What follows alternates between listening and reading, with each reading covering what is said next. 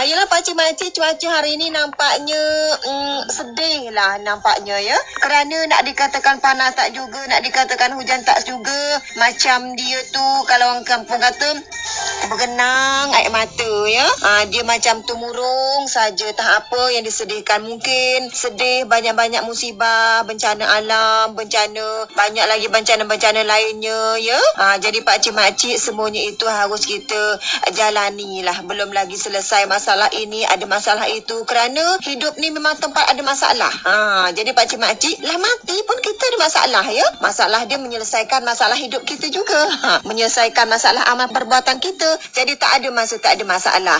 Yelah pakcik-makcik mudah-mudahan sihat selalu. Jagalah kesihatan. Kalau marah tak usah menyumpah-nyumpah diri. Tak usah minta mati. Memang kita jangan takut mati tapi jangan minta mati. Ha, jadi pakcik-makcik, ha, kalau lagi sedih hati tu kita ya kita bersyukur sajalah. Selagi kita diberi sedih, mungkin ada tujuan dia. Dengan bersedihlah maka kita dapat membuka hati kita untuk menjadi manusia yang lebih baik lagi. Ya, pakcik-makcik selamat bekerja saja. Selamat mendengarkan acara Sari Serumpun. Saya rasa tak payah nak panjang lebar ya. Langsung saja. Kita mulakan perjumpaan kita pagi ni dengan mendengarkan segmen Racikan Pengetahuan Melayu.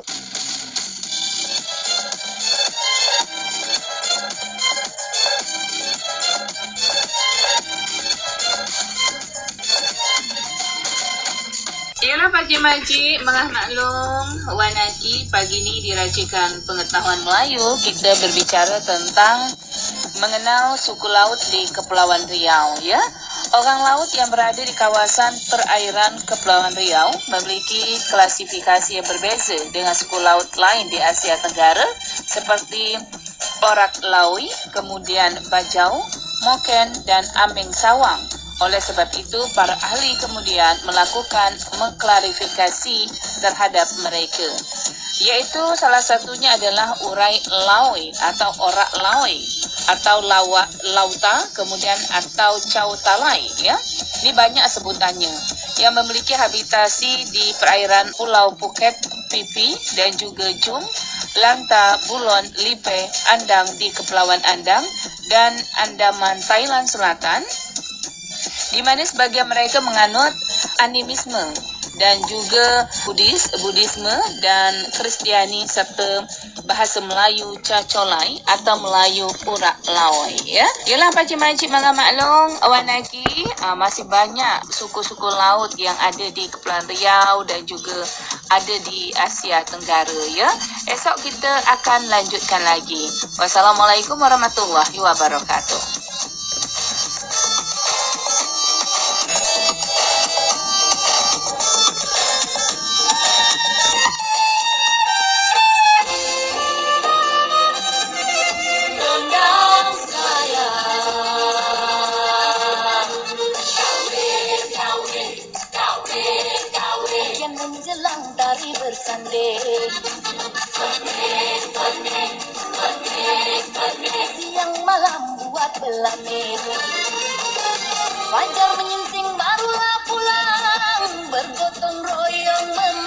Memasak rendang Ternak di korban banyak dah tumbang Kalau tak cukup nyonya Tangkap pula kerbau di bendang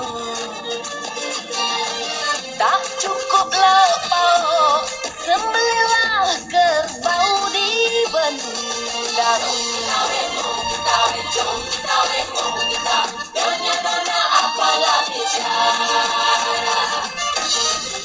Eh baba Tambah rendang Empat puluh dulang.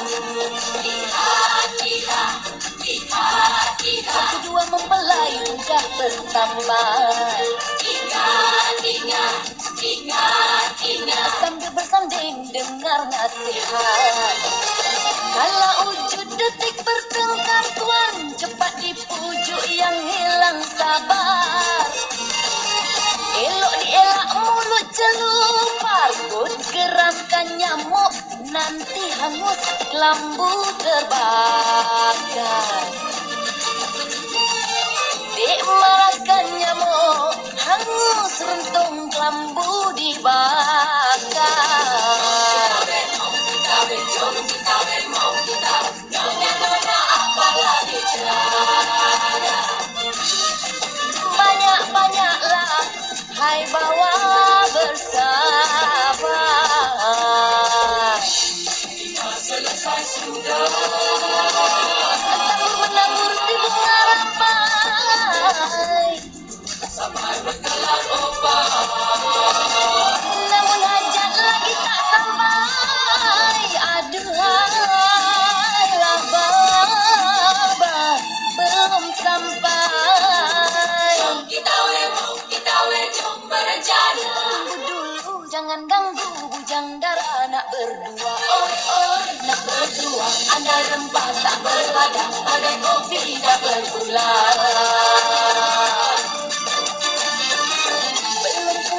lagi bang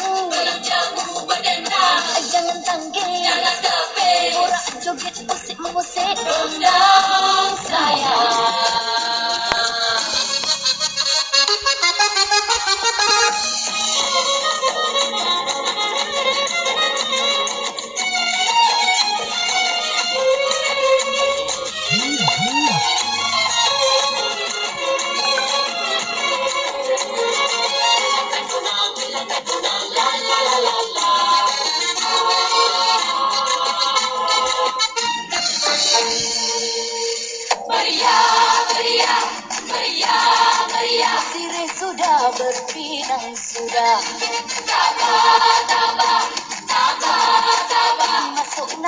zaman berubah.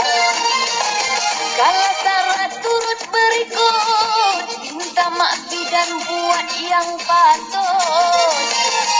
Bulan ketujuh cantik disambut Bermandi sampat Bergolek niur berlenggang perut Mandi sampai Berdentung kelapa nyawa merenggang Laporan terkini. Pendengar dimanapun Anda berada, kami terhubung dengan rekan Analia yang berada di lokasi kebakaran yang terjadi semalam. Halo, selamat pagi. Selamat pagi, rekan Elmi. Iya, rekan Analia posisinya di mana sekarang? Ya, saat ini dapat kami informasikan bahwasanya saya berada di lokasi kebakaran yang semalam telah melalap setidaknya lima toko atau warung di sekitar Jalan Datuk Kayawan Muhammad Benteng, tepatnya di Jemengan. Iya, silakan laporan selengkapnya. Pendengar, untuk saat ini terkait update kejadian kebakaran yang terjadi pada malam tadi, dapat kami informasikan bahwasanya memang untuk api yang terjadi atau terbakar pada malam tadi, eh, memang sudah dipadamkan oleh Dinas Kebakaran Kabupaten Natuna. Namun pagi ini kami mengeceknya dan menginformasikan kepada Anda bahwasanya untuk api memang sudah padam tetapi memang masih ada asap yang membakar dari sebagian barang-barang yang mudah terbakar khususnya di toko kelontong ataupun toko sembako yang tadi malam menjadi titik api atau titik api awal dari kebakaran terjadi pada malam tadi. Dan kami juga melihat bahwasanya untuk pagi ini sudah ada garis polis line yang dipasang oleh pihak kepolisian di mana lima toko yang memang dilalap si jago merah telah dibatasi. Dan ini menandakan bahwasanya memang masyarakat diminta tidak mendekat karena memang untuk posisi dari lima toko yang terjadi pada malam tadi itu terbakar dekat dengan eh, jalan raya. Dan sangat disayangkan juga bahwasanya hingga saat ini masih banyak kendaraan baik roda dua dan juga kendaraan mobil yang diparkir dekat dengan lokasi kebakaran. Sehingga memang untuk arus lalu lintas pada pagi hari ini di lokasi yang saat ini saya melaporkan memang cukup padat dan masyarakat banyak yang melihat secara langsung untuk lokasi kebakaran pada pagi hari ini. Demikian untuk informasi terkini Eh, dari rekan- lokasi. Halo, rekan Analia. Iya. Apakah sudah ada keterangan resmi dari kepolisian penyebab terjadinya kebakaran? Iya, untuk informasi update dari penyebab kebakaran pada malam tadi memang belum ada secara resmi dari pihak kepolisian atau yang berwenang. Namun dari data atau informasi secara langsung langsung yang kami peroleh baik di lapangan dan juga keterangan dari uh, Kepala Dinas Pemadam Kebakaran dan Penanggulangan Bencana Kabupaten Natuna pada malam tadi kepada awak media dan juga kepada RRI bahwasanya untuk penyebab dari kebakaran pada malam tadi diinformasikan sementara adalah adanya konsleting listrik atau titik api yang diketahui uh, diinformasikan dari belakang kulkas. Begitu rekan Elmi. Iya, terima kasih laporan Anda, rekan Analia. Pendengar di mana pun Anda berada, telah kita dengar laporan dari Analia yang berada di lokasi tempat terjadi kebakaran semalam ya di daerah Jembengan. Dan saat ini kita masih di acara Sari Serumpun.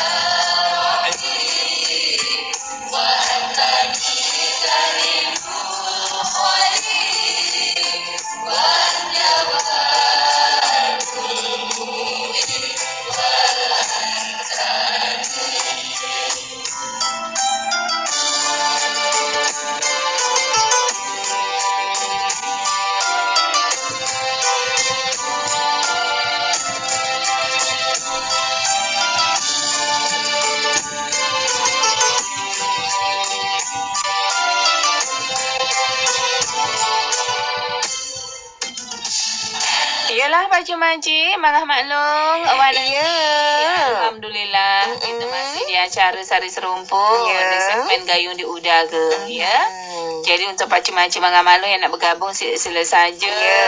Dan tentunya Pak Cimaci kita ni berdoa lah. Hmm. Uh, berdoa untuk yang terkena Saudara musibah, kita yang lagi ya. mendapat ujian. ujian sangat berat saya rasa Ah, ah, ya. Iyalah, semoga Ah, sabar tabah betul, selalu. semoga yang Ada gabung? Ah, halo, Assalamualaikum. Waalaikumsalam. Hmm, dengan siapa ni? Ika di Sekompang. Ika di Sekompang. Sedih Ah. sangatlah bunyi suara Betul, tu. dengan pas pula dengan cuaca. Batuk. Yang mana ni? Batuk, iyalah. Tapi pantun dapat ke lagi batuk tu? Dapat. Ah, ah. Macam mana pantun? Buat apa beli batik Ya. kalau tidak pakai selendang? Ah, ah. Buat apa berwajah cantik Ya. kalau tidak pernah sembayang? Oh, untuk apa berwajah cantik kalau tidak pernah disayang? Mm-mm. Uh, tu Oh, juga. sembahyang. Oh, iyalah. Dia tak nak dia berubah, makcik. Makcik. Bagus. Ah, pantun kedua? Tak ada lagi. Oh, tak ada lagi. Ah, ah, iyalah. Lagu apa, makcik? Ah, Hmm. Bujang gelajak. Bujang Ya. telajak. Bujang tu memang terlajak sangat, ya. Ya. Terus? Lah, makasih. Ya, sama-sama. Assalamualaikum. Waalaikumsalam.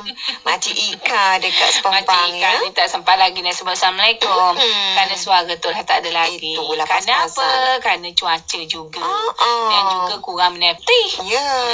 Hmm. Ah, yelah pakcik makcik nak gabung sila-sila. Assalamualaikum. Alhamdulillah ramai. Salam Hmm, dengan siapa ni? dengan Kak Mus Jenengan. Kak Kak Mus. Mus. Eh, apa cerita? Gorengan kita pagi ni laku. Hari ni ni buat goreng. Oh tak terlalu sibuk malam tadi nampaknya nak. Alah kasihan dengan Betul, betul. Ya, Kita betul. turut prihatin. Mm-mm, sedih Saya tengok lagu-lagu yang berjudul Menangis Tak Berdarah tu Betul. Macam itulah perasaan kita Iya Ya. Oh, menangis lah mati Mm-mm. Nak mengaung tak Orang takut sangka apa pula Oh, salah pula. Oh, Oh, yelah menangis Kak lah Mus, apa cerita? Kita baik. Cerita baik. Langsung saja pantun. Betul. Ha. Ya. Ah, goreng ubi, goreng pisang. Ha, ha. Mari dimakan di pagi hari Ah, ha, ha. kalau makcik nak pesan, ah, apa tu? Ha. Datang pagi dibelah dua. Ha. Buah pepaya digulai lemak Uh, atau batang padi dibelah tiga. ha. Ikan belanak ada Oh. gulai lemak. Kan. Pula.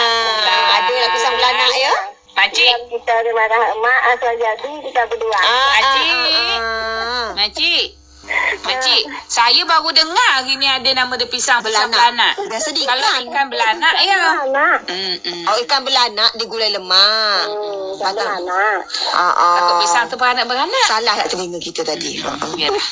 Ada lagi? Berapa pantun? Kita ya jadilah. Satu saja. Mm-mm. Salam ada? Salam sama Kak di Aitolek. Mm-mm. Keluarga di, se, di Sebadan Wilu. Ya. Minta lagu. Ah, ah, nak lagu Apa? apa? Lagu Cik Minah pulang kampung. Oh. Cik Minah pulang kampung. Kira Cik Minah sayang tadi. Oh, dia nak raya haji nampaknya nak kurban kat kampung. Baliklah dia. Ya, orang dah banyak berkuih tu.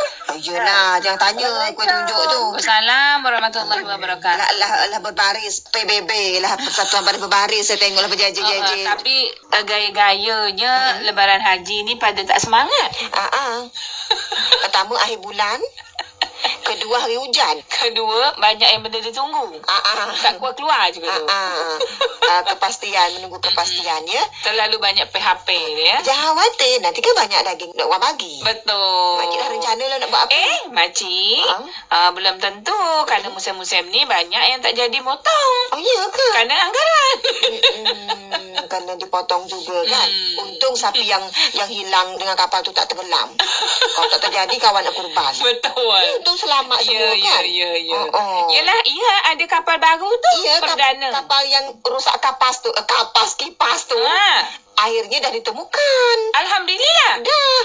Apa penumpang dia selamat, sapi pun selamat. Ya, sapi berapa ekor? Sapi tu berapa lah awak nak kurban nak bawa ke mana terempar ke. Ha, jadi dia kerana kalau benda halal tu memang senang. Betul. Saya bayangkan pula. Tadi dia dapat berita pertama tu kata orang selamat sangka sapi, apa, sapi tak selamat kira tenggelam kan. Kita salah informasi. Ha, pandai pula sapi tu tak mati tengah laut kita fikir kan. Hmm, dia pada berenang Dia mungkin. Tidak. Dia tu bukan tenggelam, rusak kipas. Hmm, Tak jadi masalah. terombang Tapi kalau kita kurang makan, potong aja sapi kat situ. Ah, tapi kalau sapi kau makan, mana ada rumput kat laut kan? Eh, Itu- ngair, ambil ikan. Eh, sapi tak makan ikan lah. Eh, kalau dia tu dah sesak lah, tak saja dia makan. Rumput Tidak. laut ke. Lambung dia tu dapat bertahan berhari-hari. Tak macam manusia. Sejam tak makan sajalah ngamuk ke mana-mana kan. Ya, Kak Leha, kalau sebulan, papam tu dia makan. Ya. Ah, kita anyut dengan dia, kita lapar, dapatlah potong dia. Ha. Kalau dia lapar. Makan ikan. Kita suruh dia makan ikan, cari ikan. Nakkan dia makan baju-baju yang lemburuk tu kan. Ha, memang ya juga. Tapi memang dia selamat katanya Yalah. informasi terbaru tu. Kalau kita ada rezeki Ha-ha. tu tak akan ke mana. Ya. Uh, apapun yang terjadi, kalau rezeki kita akan kembali kepada kita. Ah, jadilah kita kurban. Betul. Ah. Yalah pakcik-makcik marah maklum Wanaki kita jalan-jalan ke kampung baru. Ah, tak lupalah pakai Kita akan kerudung. lagu. Sambil menunggu Pak Cik-Makcik bergabung. Malang nasib telaja Kemana pergi orang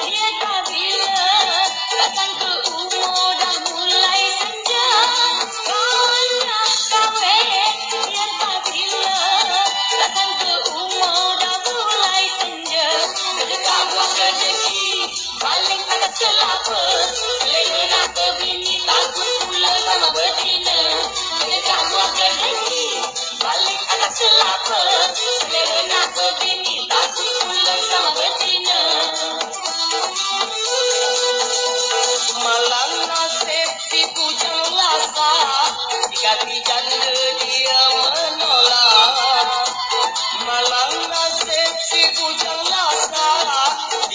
and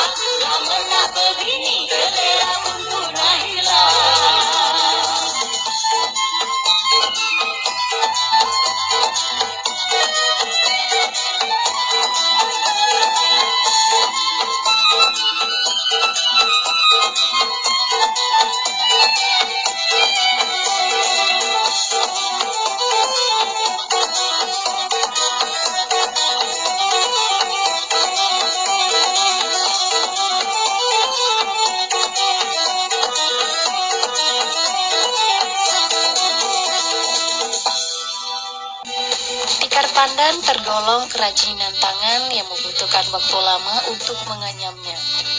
Ada beberapa daerah di Indonesia yang membuat kerajinan tikar pandan ini, salah satunya adalah Kabupaten Natuna.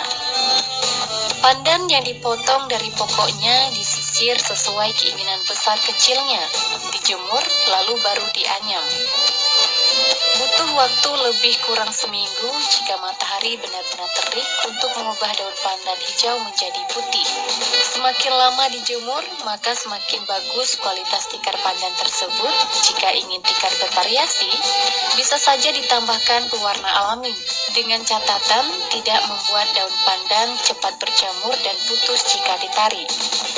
Proses menganyam daun pandan menjadi tikar utuh juga membutuhkan waktu lama sehingga saat ini sudah sulit untuk mendapatkan anyaman tikar pandan. Perbedaan anyaman tikar pandan Natuna dengan daerah lainnya terletak pada corak dan motif tikar pandan yang dianyam. Di Natuna sendiri, warna yang digunakan untuk memberikan motif pada tikar lebih menggunakan warna yang mencolok dan juga terang.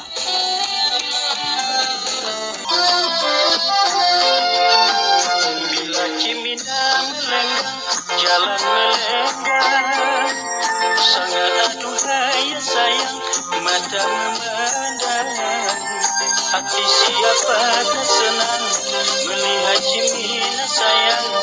Siang dan malam selalu terbayang-bayang Cimina sayang sungguhlah orangnya cantik. Berkait songket kebaya lengan bersulam. Tiap pemuda memandang hati tertarik Mabuk kepayang karena merindu dendam?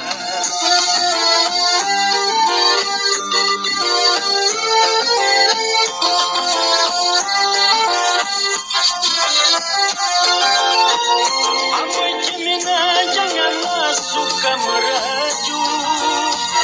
Tidak menentu Selalu datang membujuk Senyumlah sayang Cimina Jangan begitu.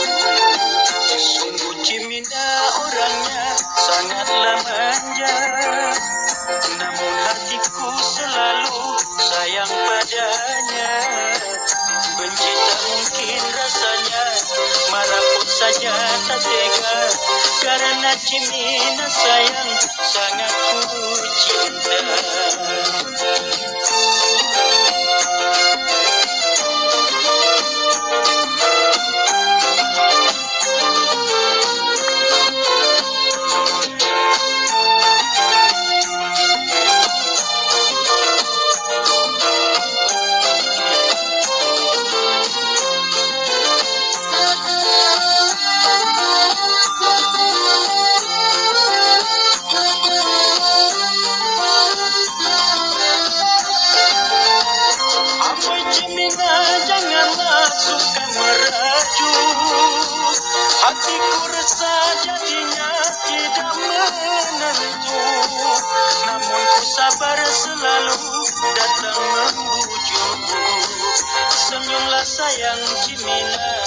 jangan begitu. Sungguh Cimina orangnya sangatlah manja Namun hatiku selalu sayang padanya. Benci tak mungkin rasanya Marah pun saja tak tega. Karena Cimina sayang sangat ku cinta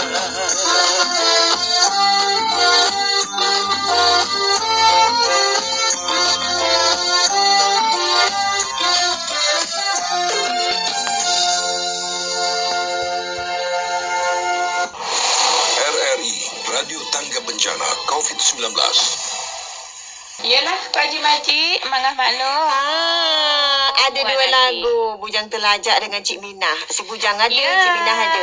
Ada mengetuk. Ah, baru nak pak nak pantun. Halo, Assalamualaikum. Waalaikumsalam Ah, Tok Dalang ke?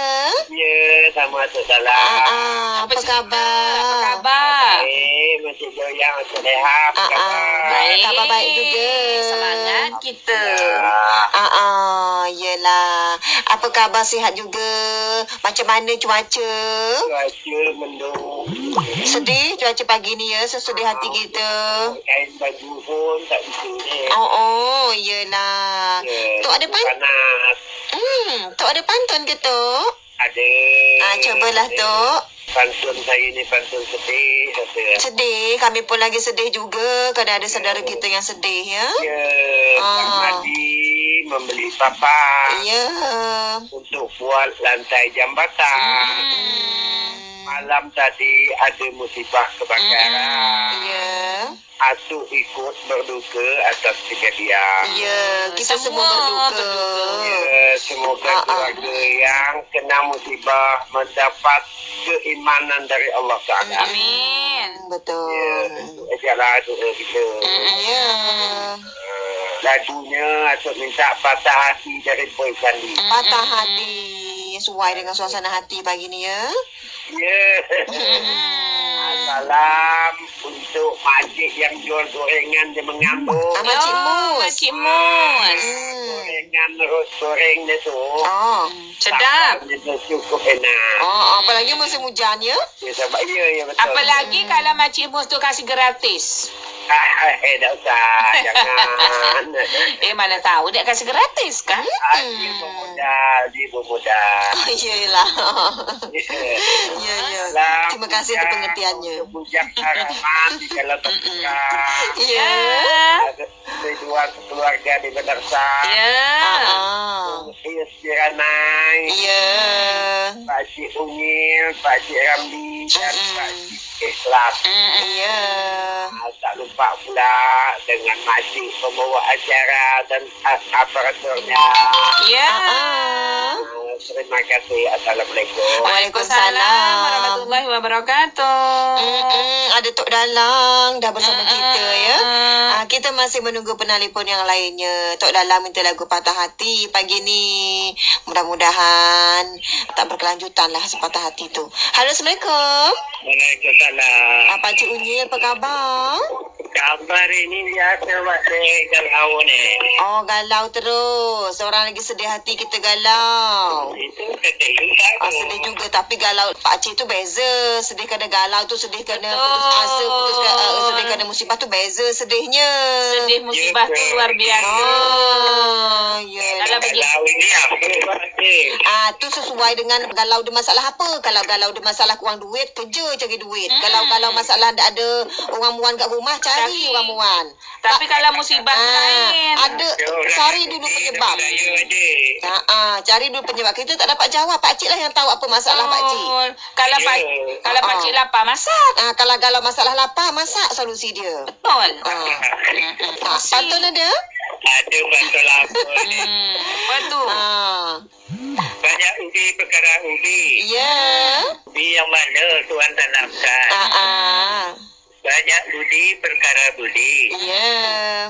Budi yang mana Tuhan tenangkan. Hmm. Yelah. Semua budi lah kita kenang. Betul. Budi baik lah. Budi jahat-jahat tu tak usah lah kita kenang. Uh-uh. Ya, kalau Kita lupakan orang mengerti saja. kan. Uh-uh. Dan misal aku dulu ni, jodoh saya ke mana ni. Jodoh tak ke Jodoh tak mana? ke mana? Yelah. Ya. Lah? Kira dalam ni. Hmm, buat siapa? Ya, berdua. Uh-uh. Videonya, Ya. Ya. terjadi kebakaran itu jauh dari rumah Lokian kita ke? Jauh. Tapi satu arah. Mana dari Malokia ke Lampu Merah? ke- Eh, Pak Cik tahu ke- tak? ke- Kawasan Masjid Agung. Bukan dah. ni kantor di Capil. Ah. Depan tu. Oh, Pak Tamina. Ah, ya, ya lepas Pertamina.